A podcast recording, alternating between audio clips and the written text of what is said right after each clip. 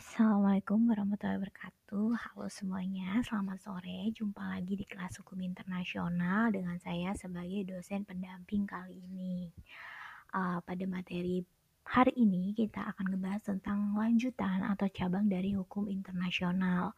Kalau di awal dengan dosen lainnya kalian udah belajar memahami konsep dasar dari hukum internasional seperti subjek, sumber, sengketa penyelesaian, di materi kali ini kita akan lebih memperdalam pemahaman hukum internasional dari berbagai konteks bidang, yaitu dari humaniter, ekonomi, dan diplomatik.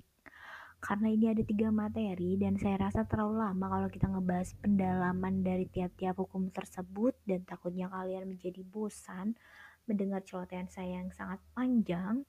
Jadi akan saya bagi menjadi tiga podcast dan podcast uh, pertama tentang hukum humaniter dan yang akan saya sampaikan adalah hanya berupa pengantar dari masing-masing hukum bidang tersebut. Dan selanjutnya kita akan coba berdiskusi di kelas online untuk lebih memperdalam pemahaman terhadap materi kuliah hari ini.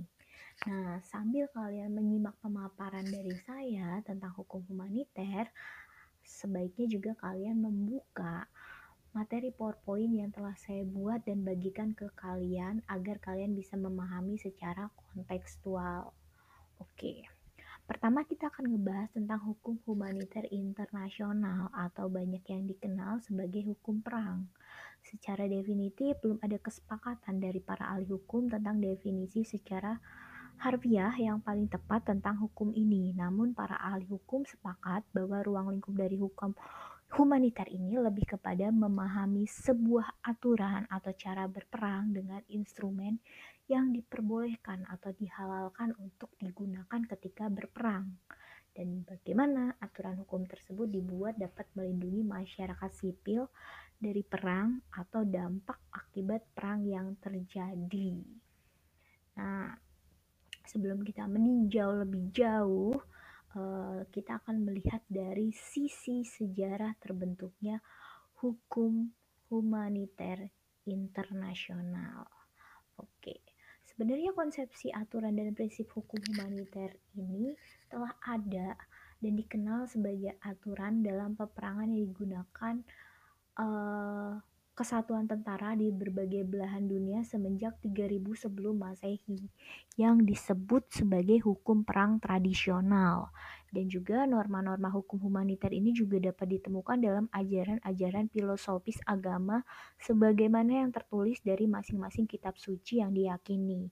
Bisa dilihat pada era sebelum Masehi perjanjian-perjanjian perang banyak dibuat raja-raja Mesir seperti Ramses II, Hittite dengan memperhatikan kondisi kemungkinan dampak korban perang, seperti pembunuhan terhadap anak dan wanita yang dilarang dalam peperangan, dan membuat ketentuan mengenai pembebasan tawanan perang lengkap dengan persoalan pembayaran ganti rugi pampasan perang.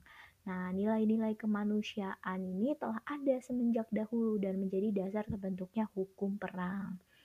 Pada masa tersebut, para pemimpin militer akan memerintahkan pasukan mereka untuk menyelamatkan musuh yang tertangkap, memperlakukan mereka dengan baik, menyelamatkan penduduk sipil musuh, dan pada waktu penghentian permusuhan, maka pihak-pihak yang berperang biasanya bersepakat memperlakukan tawanan perang dengan baik. Sebelum perang dimulai, maka pihak musuh akan diberi peringatan terlebih dahulu Lalu untuk menghindari luka yang berlebihan, maka ujung panah tidak akan diarahkan ke ulu hati. Nah, nilai-nilai seperti ini yang menjadi konsep dasar dari terbentuknya prinsip hukum humaniter internasional. Nah, masuknya ajaran nilai agama juga semakin menguatkan dasar hukum humaniter dengan pengintegrasian nilai-nilai yang memiliki derajat kemanusiaan yang tinggi dengan penekanan terhadap nilai moralitas dan kebajikan. Di sini saya akan mengambil contoh dari pengintegrasian nilai kebajikan salah satu agama. Karena kita mayoritas beragama muslim, maka saya akan mengambil contoh dari sudut pandang Islam dalam ajaran Islam tertuang dalam Al-Quran surat Al-Baqarah 190 dan 191 bahwa perang diperbolehkan sebagai sarana pembelaan diri apabila tidak bisa dihindari. Namun perang tersebut harus sesuai kesepakatan dengan mengumumkan terlebih dahulu ke pihak lawan ketika akan berperang dan larangan penggunaan senjata-senjata di luar batas yang dapat menjadi alat pemusnah massal. Dasar nilai tersebut juga turut menambah pengembangan nilai dalam konteks aturan hukum humaniter internasional. Bahkan di zaman modern ketika hukum humaniter internasional mulai diformulasikan di tahun 1864 dalam Konvensi Jenewa, di sini masih mengambil dasar nilai filosofis norma-norma yang terbentuk pada saat aturan hukum perang tradisional berlaku. Seperti yang saya sebutkan tadi tentang perawatan terhadap orang-orang angkatan bersenjata yang terluka, tawanan, dan yang sakit di medan perang. Secara historis, hukum humaniter internasional ini merupakan perkembangan dari hukum perang tradisional yang dianut pada saat Perang Dunia I dan II, yaitu Law of the War dan Law of Armed Conflict. Namun kedua hukum tersebut menimbulkan kesan trauma tersendiri dengan istilah perang atau war sehingga pada tahun 1949 International Law Commission menolak memasukkan hukum perang sebagai salah satu topik aturan kesepakatan internasional karena dinilai menimbulkan ketidakpercayaan terhadap PBB sebagai organisasi perdamaian. Akan tetapi, tidak dapat dipungkiri bahwa pertikaian bersenjata masih tetap ada, maka beberapa pihak masih menganggap perlunya ketentuan yang mengatur pertikaian konflik militer ini dan dinamakan dan dengan ketentuan-ketentuan yang dirumuskan lebih menitik beratkan pada asas-asas prikemanusiaan. Nah, inilah sejarah konsepsi dari hukum humaniter internasional sampai sekarang menjadi suatu humanitarian law uh, humanitarian international law. Oke. Untuk definisi hukum internasional seperti yang saya bilang belum ada definitif secara pasti karena banyak sekali pandangan-pandangan dari ahli hukum internasional. Namun di sini saya akan menarik secara general uh, pengertiannya dari seorang uh, ilmuwan atau ahli hukum Muhtar Kusuma Atmaja uh, yang mengartikan bahwa uh, hukum humaniter adalah bagian dari hukum yang mengatur ketentuan-ketentuan perlindungan korban perang berlainan dengan hukum perang yang mengatur perang itu sendiri dan segala sesuatu yang menyangkut cara melakukan perang itu sendiri. Nah, untuk konsepsinya Hukum humaniter ini pada awalnya bernama hukum perang atau law of war yang seperti saya jelaskan di sejarah tadi. Namun nama hukum perang dianggap terlalu menyeramkan terutama bagi para korban perang dunia sehingga istilah hukum perang diganti dengan istilah hukum sengketa bersenjata atau law of armed conflict. Istilah hukum sengketa bersenjata ini dianggap lebih halus dan lebih layak untuk digunakan sebagai pengganti nama dan hukum perang. Sehingga istilah hukum sengketa bersenjata ini banyak digunakan dalam konvensi-konvensi Jenewa dan kedua protokol tambahannya.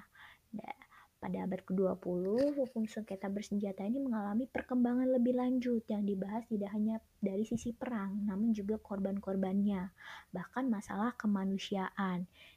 Uh, yang lebih mendominasi di abad 20 sehingga hukum sengketa ini bertransformasi kemudian diganti dengan istilah hukum humaniter dan digunakan sampai saat ini.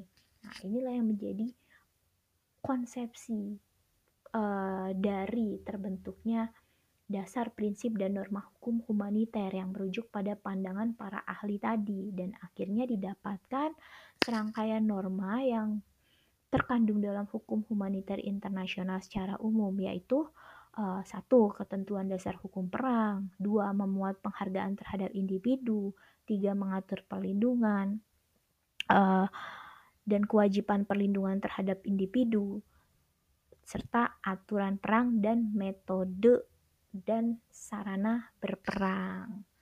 Oke, dari konsep definitif dan prinsip kita lanjut ke fungsi dan tujuan hukum humaniter internasional. Nah, seperti yang saya bilang tadi, eh, perang atau konflik bersenjata adalah sesuatu yang memang tidak bisa dilegalkan, tapi tidak bisa dihindari. Maka dari itu kita perlu mengantisipasi dengan membuat suatu aturan-aturan. Nah, inilah fungsi dari hukum humaniter. Hukum humaniter di sini berfungsi sebagai dasar aturan dan kaidah hukum dalam berperang karena secara realitas konflik militer terkadang tidak bisa dihindari. Namun perang tersebut dapat dilakukan secara lebih manusiawi. Maka fungsi hukum ini sebagai pedoman taktis dalam aturan tentang perang yang termuat dalam aturan tingkah laku, moral, agama, dan perlindungan bagi kelompok tertentu selama sengketa bersenjata terjadi. Nah, kelompok yang tertentu itu seperti uh, penduduk sipil, anak-anak, perempuan, kombatan yang meletakkan senjata, dan tawanan perang. Sedangkan tujuan hukum humaniter yang dirumuskan secara general antara lain dapat memberikan perlindungan terhadap kombatan maupun penduduk sipil. Dari penderitaan yang tidak perlu dan menjamin hak asasi manusia yang sangat fundamental bagi mereka yang jatuh ke tangan musuh serta mencegah dilakukannya perang secara kejam tanpa mengenal batas. Karena kita nggak tahu ya tujuan dari masing-masing pihak yang berkonflik yang memaksimalkan tujuannya dengan uh, perang yang strategi perang yang menurut dia uh, itu manusiawi tapi belum tentu bagi pihak lawan itu sangat manusiawi maka dari itu ini ada aturan-aturan dalam hukum humaniter Nah, dalam hukum humaniter juga ada prinsip penggunaan senjata yang harus dipegang di mana prinsip ini ada tidak untuk membatasi penggunaan alat-alat bagi suatu negara dalam meraih kepentingannya. Nah, seperti yang saya bilang tadi, eh, lebih kepada bertujuan untuk melindungi orang-orang yang berada di sekitar daerah yang berkonflik, terutama rakyat sipil. Dengan demikian, hukum humaniter ditujukan untuk melindungi beberapa kategori orang-orang yang tidak atau sedang turut serta dalam pertempuran untuk membatasi alat dan cara berperang. Oke. Selanjutnya asas-asas dalam hukum humaniter internasional seperti halnya dalam hukum-hukum yang lain, dalam hukum humaniter ini juga terdapat asas-asas yang harus tetap dipegang. Dan ada tiga asas utama dalam hukum humaniter yang biasa dipakai, yaitu asas kepentingan militer atau military necessity. Di sini berdasarkan prinsip ini, pihak yang bersengketa dibenarkan menggunakan kekerasan untuk menundukkan lawan demi tercapainya tujuan dan keberhasilan perang. Namun dalam prakteknya untuk menerapkan asas ini, suatu serangan harus memperhatikan prinsip-prinsip seperti prinsip proporsionalitas yaitu prinsip yang diterapkan untuk membatasi kerusakan yang disebabkan oleh operasi militer dengan mensyaratkan bahwa akibat dari sarana dan metode berperang yang digunakan tidak boleh tidak proporsional dengan keuntungan militer yang diharapkan. Dua, prinsip pembatasan, yaitu prinsip yang membatasi penggunaan alat-alat dan cara-cara berperang yang dapat menimbulkan akibat yang luar biasa kepada pihak musuh. Nah, asas kedua yaitu asas perikemanusiaan atau humanity.